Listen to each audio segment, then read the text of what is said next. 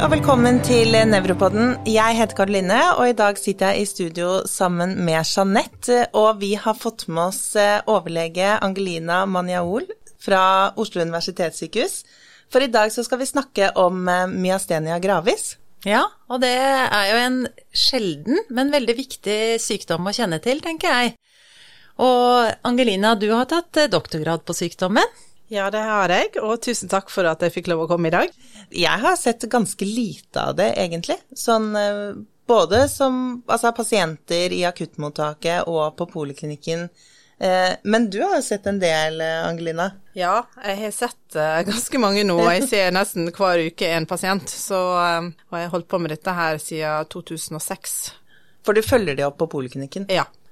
Hvor mange har vi i Norge, sånn cirka, hvis vi bare sier litt om prevalensen? Ja, altså prevalensen eller forekomsten er vel rundt sånn 14-15 per 100 000 innbyggere, så i Norge estimerer man ca. 700 som lever med myastenia gravis i dag. Mm.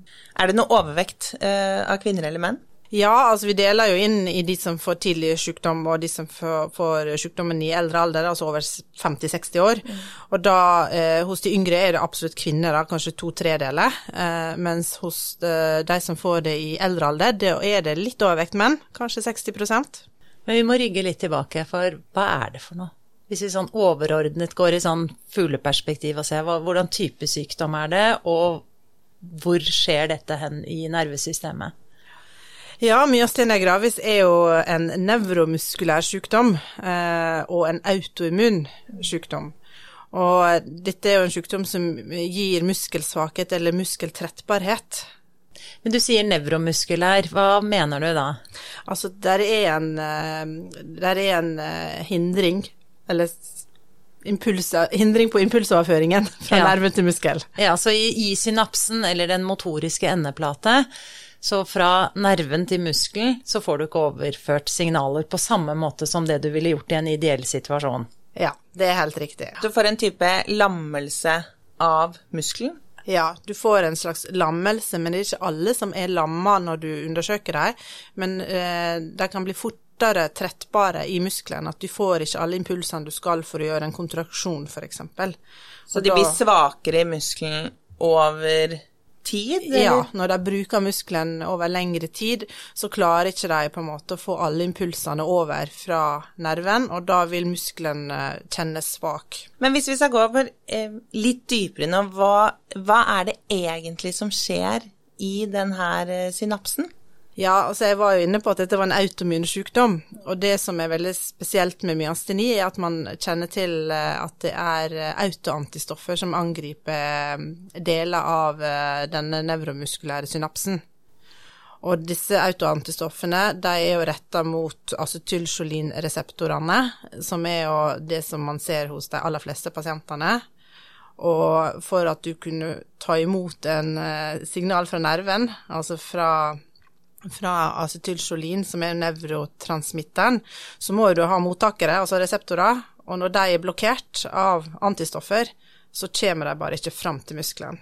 Og da får du da eh, Altså da blir muskler litt svakere, rett og slett. Og hvor, hvorfor skjer det her? Altså det, man vet jo egentlig ikke 100 hvorfor noen får autoimmune sykdommer, men det nok eh, Det sitter nok litt i arvematerialet, altså immungenene som vi har, at noen er mer disponerte til å utvikle en sånn sykdom. Mm. Og det er jo det vi har sett, at det er jo en sammenheng her. Så det er jo egen Altså det er jo kroppen sjøl som, som plutselig finner ut at de skal angripe noe som er eget. Og så sa du jo at eh, man enten kunne få det tidlig eller sent. Er det noen som har det fra fødsel, eller kommer det senere? Ja, det var et godt spørsmål, for det finnes faktisk en juvenil variant av myastenia gravis. Eh, og de kan også få det fra fødsel, og hos de som får det fra fødsel, kan også få det overført fra mor som har sykdommen. Men da, da blir ikke man syk over lang tid, da, man bare, da, får man bare antistoffene gjennom mor, gjennom navlesnoren da, når de blir født. Mm. Men ja, noen kan få det veldig tidlig hos barn, men det er ekstremt sjeldent. Hvis man skal eh, klassifisere sykdommen, eller den vanligste Hvordan det vanligste er, da. Hvordan vil du klassifisere det da? Jeg ville ha brukt uh, At du kan klassifisere for uh, tidlig onset, eller, eller, det vi også kaller for early onset, myasene gravis, under 50 år. Og så ville jeg klassifisert på late onset myasene gravis over 50 år, eller oftest over 60 år, for det er en liten gråsone der. Uh, men så vil jeg også klassifisere mellom okulære myasthenia gravis og generaliserte, de som har mange muskelgrupper som er påvirket eller bare de som bare har øyemusklene, da, som da blir okulære. Og den siste klassifikasjonen så vil jeg eh, skille ut de med tymom, altså de som har eh, paraneoplastisk myastenia gravis. Mm. Det er kun 30% de som har tumom som får myastenia gravis, sånn at det er ikke alle. Men de kan alltid utvikle det i løpet av eh, si hvis de har mange altså residiv av tumom, så kan man faktisk fortsatt utvikle myastenia gravis. Men, men, det er i hvert fall viktig å vite at alle som har paraneoplastisk myastenia gravis, de har antistoffer mot acetylcholinreseptorene. Ok, eh, du nevnte at eh, vi har eh, okulær myasteni og en mer generalisert myasteni. Kan vi, hva er forskjellen? Kan man, kanskje vi kan starte med den okulære? Ja, altså den okulære altså, er jo de som blir kun ramma av øyemusklene. Altså enten at du ikke kan bevege dem av at noen øyemuskler er lamma, eller at du får det vi kaller for hengende øyelokk, altså tose. Og, men de aller fleste med myasthenia gravis, kanskje 70% debuterer jo med først muskellammelse i disse musklene. I øyemusklene? I øyemusklene, ja. Og, og, derfor kan ikke man si så veldig mye om, om, om de bare vil få en ren okulær myasteni, eller en, utvikle mer en generalisert my eh, myasteni med andre muskelgrupper påvirka eh, i starten. Eh, men eh, per definisjon, bare for å si det, så, så, så observerer vi det i to år.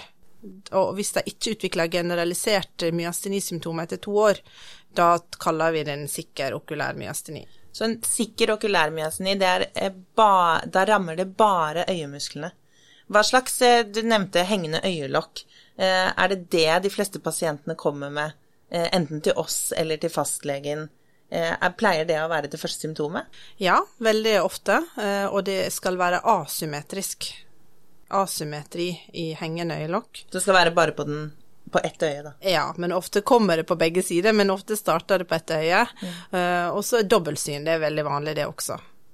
Og variasjonen i plagene tenker jeg også er veldig vanlig. Uh, ja, at de kan ofte føle seg verre utover dagen. Mm. Så bedre på morgenen, og så verre når de har brukt øyet mer, da. Altså blunket ja, og ja. Så det med dobbeltsyn tenker jeg er kjempeviktig, og det er jo ofte veldig forsinkelse i diagnostikken av denne type øyemuskelpareser også, for det kan være vanskelig å forstå hva det er, og også med tanke på når man undersøker det. Ja, og det, og det kan være vanskelig. Ofte havner det hos øyeleger, og de kan jo kanskje fange opp en øyemuskellammelse. Men det er ikke alltid like lett å se på vanlig undersøkelse en lammelse av de små øyemusklene. Nå kommer vi egentlig inn på eh, kliniske kjennetegn, da. Eh, men eh, hvis vi går nå over til den generaliserte formen, eh, kan du fortelle litt om den? Ja, altså da er jo det andre muskelgrupper enn øynene i tillegg, da, som blir påvirka. og det som er mer vanlig i forhold til de som får mer si generaliserte myastene symptomer, da kan det ramme også andre muskelgrupper i ansiktet. svelg ofte ansiktsmuskulaturen, altså du blir svak i kinna dine. Eh, du kan bli svak i nakken. Eh, veldig vanlig at du blir svak i armene og i beina. Pleier det også å være eh, først på én side, på armer og ben? Eh, ja og, og nei. Eh, ja, fordi at eh, det vil alltid være en liten asymmetri, men de opplever ikke det som det. De opplever det mer som en generell muskeltrettbarhet eh, i armer og i bein, og det er veldig vanskelig å skille på, på sider, da. Mm. Men hvis vi tester det, så kanskje kan vi finne en sideforskjell. Hvordan ville du testet for muskeltrettbarhet? Ja, altså hvis du har uh, muskeltrettbarhet i øynene f.eks., så har jo det vi uh, kaller for tosetest. Og det er kanskje mange av dere uh, hørt om fra før, men det handler om å holde øyelokka oppe i ett minutt, og så ser du om, om det kommer en trettbarhet at øyelokka glider litt ned. Men det er et annet lite triks som man kan se etter, er om øyeeplet også faller litt ned. Og det er litt sånne ting som kan forvirre litt, men eh, ja. Så du kan se både at øyeeplet faller litt ned, og da er det kanskje andre øyemuskler, men også tosetesten vil eh, se etter øyelokks uh, Ber du pasienten se oppover, Ja. eller ser de rett frem? Nei, de ser oppover, og så holder du fingeren din eh, sånn eh, typ kanskje litt sånn 45 grader opp. Og sånn at de har et blikk oppover. De må hvert se fingeren, da. Ok, så de, har, de må feste blikket på noe. Ja, de må feste blikket på fingeren. Og så får de ikke lov å ta pauser, ikke sant, så de må se opp, opp, opp hele tiden. Ja, og helst ikke blunke. Og har vi noen andre tester? Det her var for eh, det okulære. Ja, eh, og dette er jo liksom trettbarhetstester, da. Mm. og så har du trettbarhetstester for um, f.eks. talen. Da kan du telle til 50. eh, og da vil du høre en sånn snøvlete tale etter hvert hvis den er påvirka. Og så har du eh, trettbarhetstest i armene. Eh, der bruker jeg to forskjellige tester. Du kan ta repetitive sånn hand-neve-knyttetest, og så telle sekunder, da, hvor lenge de orker å holde på før de blir trøtte. Og da mener du sånn knyte hånden og, Ja. så, og, ta, og spre fingrene? Ja, og da teller bare sekunder fram til de begynner å, å bli trøtte. Det er et slags mål på hvor raskt trøttbarheten kommer fram. Og så den andre testen for armene er at du holder ut eh, armene i 90 grader, begge sider. Og så tar du også sekunder hvor lenge de klarer å holde det i, eh, i rett vinkel. Og se når de begynner å bli så trøtte at de, det daler ned, da. Til siden eller rett frem? Eh, til siden. Mm, det er jo ganske tungt, det i utgangspunktet. Det er det, men eh, en normal person kan faktisk holde det i fire minutter. Det er normal test. Ja, for det hadde jeg lyst til å spørre om, hvordan vet du om det faktisk er, eh, er patologisk? Hvor fort de blir trøtte i disse musklene? Vi har eh, normalverdier, sånn at jeg vet det, for vi har egne tester som, som er designet for myasteni-pasienter. Vi bruker ikke det i klinikken eh, fordi man har ikke tid å gjøre alt, men man har en, eh, en oversikt på hva man kan forvente da, av, av utholdenhet hos en normal person. Men den er ikke sånn like egnet for de eldre, for de er nok litt svakere og litt trøttere, så, så jeg vil nok eh, ja, tenke at dette er mest relevant for de yngste og sprekeste pasientene. Hvor finner vi disse skåringsskjemaene? De er nok ikke oversatt på norsk, sånn at man finner det eh, hvis man eh, leter det opp på PubMed eller på publikasjoner. Jeg tenker at eh, som eh, mer generalist her, så bruker jeg ofte anamnesen til inngangen til hva jeg skal undersøke, ikke sant. I en, sånn som du sier, litt travel klinisk hverdag. Så hvis de beskriver dobbeltsyn, så er det øynene jeg tester med trettbarhetstester. Og hvis de beskriver slitenhet i skuldrene eller dropp head, da, at hodet detter fremover, så kanskje jeg lar de ligge i sengen og så holde hodet oppover og ser når det detter ned. Eh, og, og at man gjør tester som man tenker at man har et slags referansemateriale i hodet på ut ifra hva man tenker er normalt for den aldersgruppen. Og jeg tenker at det er jo veldig mye det jeg som nevrolog har trent meg opp i ved å ha en sånn feeling på hva er normalt, og hva er patologisk. Og det tar jo litt tid å opparbeide, så det er jo litt sånn vanskelig egentlig å formidle.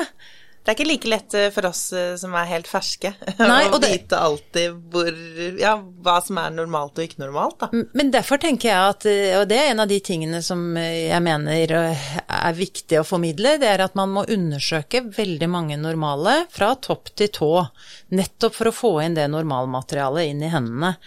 Så det er ikke bare å hoppe på det aller viktigste med en gang, fordi man vet at det bare er eh, en, et dobbeltsinn, men gjør alt sammen, og bruk egentlig litt mer tid i starten. Og her er det vel også viktig at hvis man finner eh, altså patologi, eller at de er tregere ved disse øyemusklene Trettbare, eh, ja, ikke tregere. Ja, trettbare. Så bør man jo kanskje eh, undersøke mer, altså at du bør gjøre disse håndtestene og for å sjekke at det, om det er, eh, kan være en generalisert form, da. Ja, Nettopp. jeg er enig i det. da. Jeg bruker det, og om ikke jeg gjør det veldig grundig på alle, så har jeg i hvert fall en oversikt når jeg undersøker dem, at jeg tester i hvert fall armene og beina og ser hvor lenge de klarer å holde, og klarer de å holde over to minutter, tenker jeg ja, dette er helt fint. Ja, og også knebøy, pleier eller sånn, hva heter det, squat? Ja, skått. Eh, At jeg ber dem om å gjøre, men det er jo ikke alle, det er som du sier, det er jo ikke alle som klarer det i utgangspunktet, så da må man på en måte lage seg en slags referanse og prøve å finne ut hvor sprek har denne personen vært på forhånd. Men du sa at eh, du følger de opp i to år eh, fra de får okulære symptomer, eh, for å se om det kan utvikle seg til en generalisert form. Hvor mange vet man det? Cirka er det, for du sa det er flest som har okulær eh, myasteni. Flest Nei. som starter med okulær. Ja, flest som starter starter med det. Men de aller fleste blir vel generaliserte, er det ikke sånn? Ja, så det, det kan du si litt om. Ja, det, det, altså det er jo egentlig bare ca. 20% som utvikler en ren okulær myasteni på sikt. Så det er jo absolutt ikke de aller fleste. De fleste utvikler en generalisert myastenia gravis. Men at de starter med okulære symptomer. Ok, da har vi fått det riktig. Ja, og hodet Altså hvis du tar med hele hodet, da, så har du med ganske mange. Det at det kanskje kan starte med tale eller dropphead, eh, eh, slitenhet med tygging og dobbeltsyn. Da har du fått med mange av de, eh, debutsymptomene. Ja, og, det, og da har du mer enn en, en øyemusklene, så er det generalisert myastene gravis. Hvis vi skal gå litt videre til diagnostikken, eh, hvordan undersøker man, eller hva slags eh, undersøkelser skal disse pasientene ha? Ja, hvis du får en pasient som du mistenker sterkt har myastenia gravis, med tanke på de kliniske funnene man har, så eh, vil jeg i hvert fall først tatt en blodprøve og teste for disse antistoffene. Hvilke antistoffer snakker vi om da? Og da er det antistoffer mot acetylcholinreseptorene i første runde. Og de aller fleste eh, har disse antistoffene, eller? Eh, ja, det er ca. sånn 80% har det. Er det noen andre blodprøver eh, man burde ha med? Eh, ja, man kan Jeg får jo masse spørsmål om om vi skal ha med titin-antistoffer. Og ja, jeg vil si at man kan godt ta det med på første runde hvis man har sterk mistanke, for det vil jo kanskje si litt om eh, eh, For de yngre, f.eks., kan det være en markør for tymom. Og for de eldre har de aller fleste tytin-antistoff-positive prøver, og det sier oss egentlig ingenting, men at de kanskje får en litt mer alvorlig sykdom. Men det, det vet jeg ikke helt om stemmer, men i utgangspunktet så, så er ikke det spesifikt for myastenia gravis hos de eldre. Og hva er da neste steget etter at du har tatt disse blodprøvene? Hva gjør man da? Ja, altså ofte parallelt henviser jeg også til nevrofysiologisk test for å se om de har eh, noe som heter dekrement eh, ved repetitiv stimulering. Og det kan også være en bekreftelse på diagnosen, da. Hvorfor får de det da? Jeg må bare tenke litt høyt her, for dette er det som skjer i synapsen, eller overgangen mellom nerven og muskelen, er at acetylkjolin pakkes i vesikler, så åpnes spenningsstyrte kalsiumkanaler presynaptisk, og så flyter da acetylkiolin i synapsen. Så skal acetylkiolin tas opp i postsynaptiske, altså på muskelsiden. Så skal natriumkanaler åpnes, eh, og så starter på en måte et potensial, og så blir det en kontraksjon. Ja.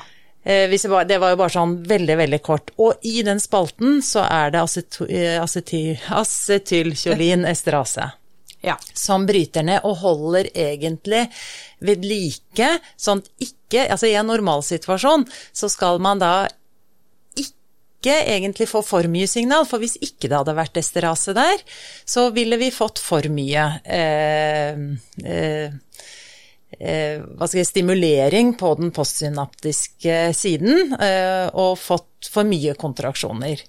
Men eh, vi hvis vi har eh, Nå husker jeg ikke faktisk hva jeg skulle ende med. Det var disse Det var nevrofysiologien. Ja, det var, vi var inne på. Ja, ja, ja. Og når vi har denne eh, i, i den synapsen eh, Så når man da gjør repetitiv stimulering, hva er det vi da driver med på en måte i forhold til synapsen? For da er det jo reopptaket.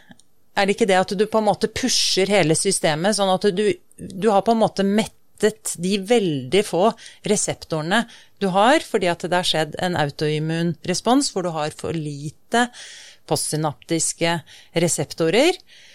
Eh, så du får på en måte ikke stimulert noe mer enn det du eh, Så det blir liksom brukt opp. Du har brukt opp det du har. Ja. Og så Ja. blir det bare et dårligere og dårligere signal. Ja. Sånn tenker jeg i hvert fall, Ja. i min lille enkle verden. Jeg tenker at det høres veldig eh, riktig Høres ut, riktig på, ut, ja. på mange måter. ja, det er vel egentlig det man ser, at man får færre og færre liksom, ordentlige kontraksjoner, og det vil man på en måte gjenspeile da i en nevrofysiologisk test. Og så har vi jo liksom snakket om eh, eh, acetylkjolinreseptorene, er vel muskarinreseptorer, sant, som er på denne motoriske endeplaten med nerve. For det fins jo acetylkjolinreseptorer andre steder også. Dette er jo, rammer jo kun tverrstripet muskulatur, bare så vi liksom sier det, Ja. i, i prinsippet. Ja. Og så eh, rent motorisk. Eh, ja.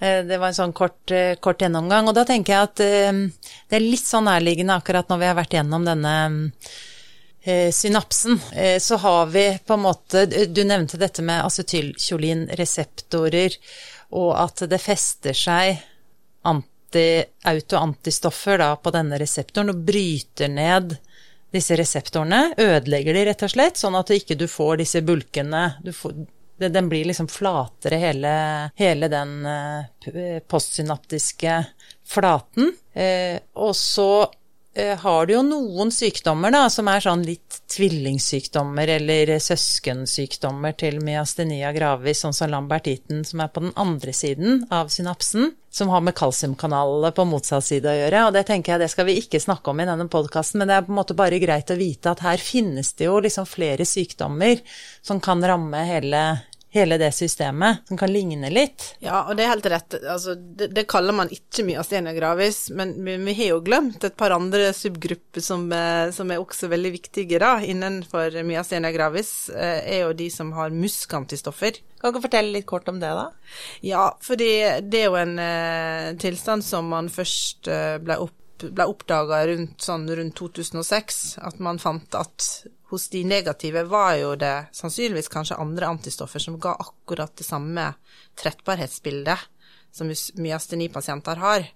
Og da eh, fant man ut at det finnes et kompleks som ligger rett ved siden av acetylcholinreseptorene, som er veldig viktige for å, at de skal eh, formatere seg på overflaten av muskelen i den nevromuskulære eh, synapse.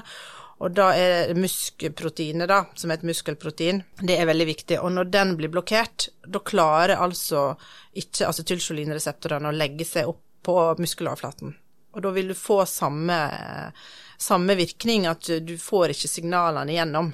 Pasienter som vi ikke finner eh, acetylkolin, eh, autoantistoffer på, kan vi da teste for eh, musk? Ja, og det anbefales at eh, hvis man fortsatt har en sterk mistanke om at dette er en myastenia gravis, da bør man teste for antimusk. Men det er litt vanskelig i Norge, for vi har ingen laboratorier i Norge som kan teste for dette her. Og da må man ofte sende det til et utenlandsk laboratorie. Hvor, hvor er det man sender det, da? Man kan sende det til England, til Oxford. De har den testen. Og så er det også en, et laboratorie i Tyskland. Men vi har avtale med, med vår egen immunologiske avdeling at de sender det til et laboratorie som de kjenner, da. Så, så vi har mulighet til å teste det her, men jeg kan tenke meg mange andre steder så har ikke man mulighet til å, å, å, å teste det veldig lett. Og da blir det ofte oversett. I, i hovedprinsippet så er det eh, autoantistoffene acetylkjolin, eh, og så er det musk som er nummer to. Og så finnes det jo en del andre veldig sjeldne autoantistoffer, og det kommer jo litt sånn dryppende inn publikasjoner på dette med nye autoantistoffer. Og det tenker jeg er litt sånn spesialområde, og det tror jeg vi sier at da, da går det til deg. Så de tar vi og ikke snakker så mye om, men vi vil jo nevne noen andre autoantistoffer, sånn før vi går litt vekk fra disse? Ja, jeg kan jo nevne kanskje LRP4, da, lipoprotein-related protein 4, som, som, man har nevnt i nevronell. Eh, og det er jo et antistoff man vet veldig lite om, så jeg vil jo egentlig ikke kalle det som et sikkert patogent antistoff ved myasenia gravis enn så lenge. Så utover det så, så, tenker jeg at de negative kan være en veldig uh, heterogen gruppe med enten de ikke har antistoffer, det kan være en T-cellemediert uh, variant, eller at de har antistoffer som vi ikke har funnet. Så, men det blir en veldig liten gruppe, så det er bedre da at man ja, Ber om litt hjelp. ber om litt hjelp. Ja, ja det, det tenker jeg også. Og så er det eh, litt videre på diagnostikken, altså CT og MR. Eh, når, eller gjør vi det? Ja, det er veldig viktig å ta det som en del i utredningen, fordi man må utelukke tymom. Det er liksom nummer én. Og det andre er jo at de, de yngste vil jo ha det vi kaller for tymushyperplasi. Og det er også noe som man må fjerne hos de, hos, hos de med onset under 50 år. Så det er veldig viktig å ta de eh, undersøkelsene. Og kan vi snakke litt om denne typen eh, med som, hvor man da har, finner et tymom, da. Eh, hva er det som skjer da? Hvorfor får de eh, myastenia gravis? Man tenker seg at disse eh, tumorcellene, da, at det der finnes altså tylsjolinreseptorer i tymomet, og de vandrer ut i periferien, og at kroppen danner da antistoffer. Eh, og derfor tror man at det er litt spesielt for tymom. Og det er derfor det at en del av dem får myastenia gravis og antistoffer mot eh, acetylcholinreseptorene. Teorien er at det finnes eh, acetylcholinreseptorer i tym- tumomvevet. Kroppen reagerer mot det, og da blir det antistoffer som også påvirker eh, muskulaturen. Men du sa i starten av episoden her, så sa du at det er jo ikke alle eh, som har tymom, som vil få myasthenia gravis, ikke sant? Men det var eh, Hvor mange du sa en prosent? Det er sånn ca. 30 av alle tymompasienter vil, vi- vil ha myastenia gravis. Og motsatt, da? Hvor mange er det med myastenia gravis som har tymon? Eh, det er ca. 10% Av de av, Av alle? totale. Ja, og av de under 50, da? eh, Tymom kan ramme alle aldre. Ja, så der er det like stor andel av de under 50 som de over 50. Ja.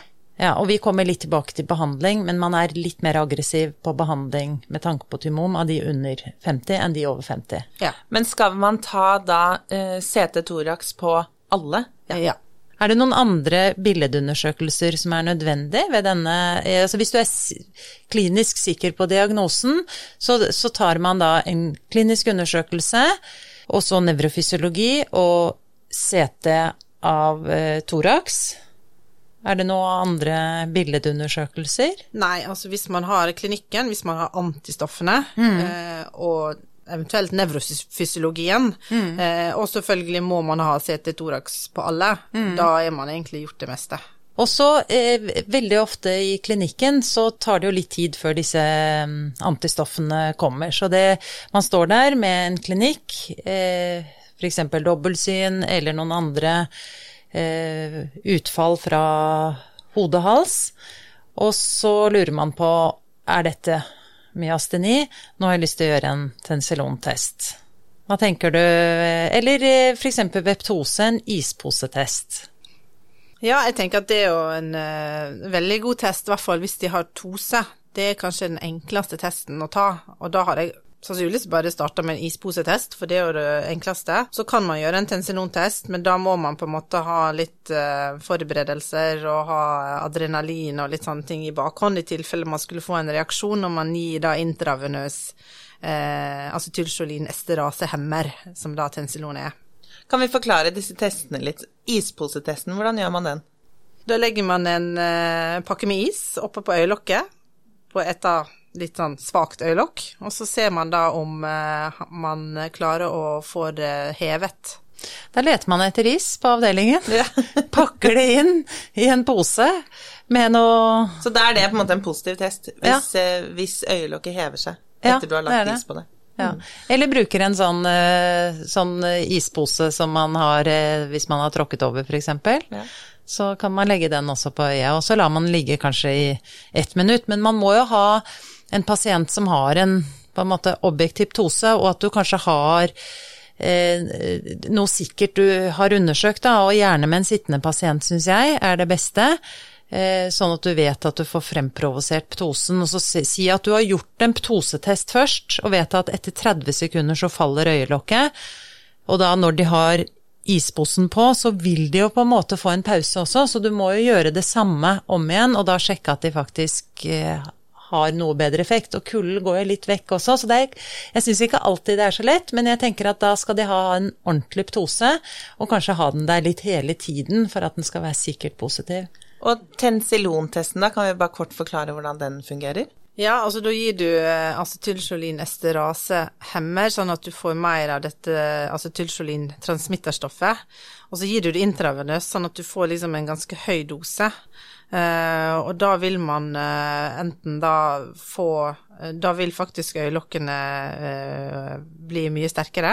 man kan også be de telle igjen, f.eks. hvis de skulle ha litt taleforstyrrelser. Eller du kan også gjøre denne her testen med at du holder armene oppe og teller sekundene, for å sammenligne. Og da vil man da oppleve en helt klar bedre muskelutholdenhet. Men du har bare en veldig kort periode, da. Det varer bare et, et par minutter, sånn at du må være veldig rask. Og det er veldig ubehagelig test for eh, pasientene å gjennomføre, for de får tørr munn, og de får eh, hjerteplager, og de kjenner veldig sånn rush i hele kroppen. Så du må liksom forberede på at det må du ikke bry seg om. Det er nå testen vi skal gjøre, og det er det vi skal konsentrere oss om. Eh, men eh, de gangene de er positive, de testene, så er det ganske hallelujastemning. Så det må jeg si at det er noe av det mest spennende jeg gjør som nevrolog, det er positive tensilontester.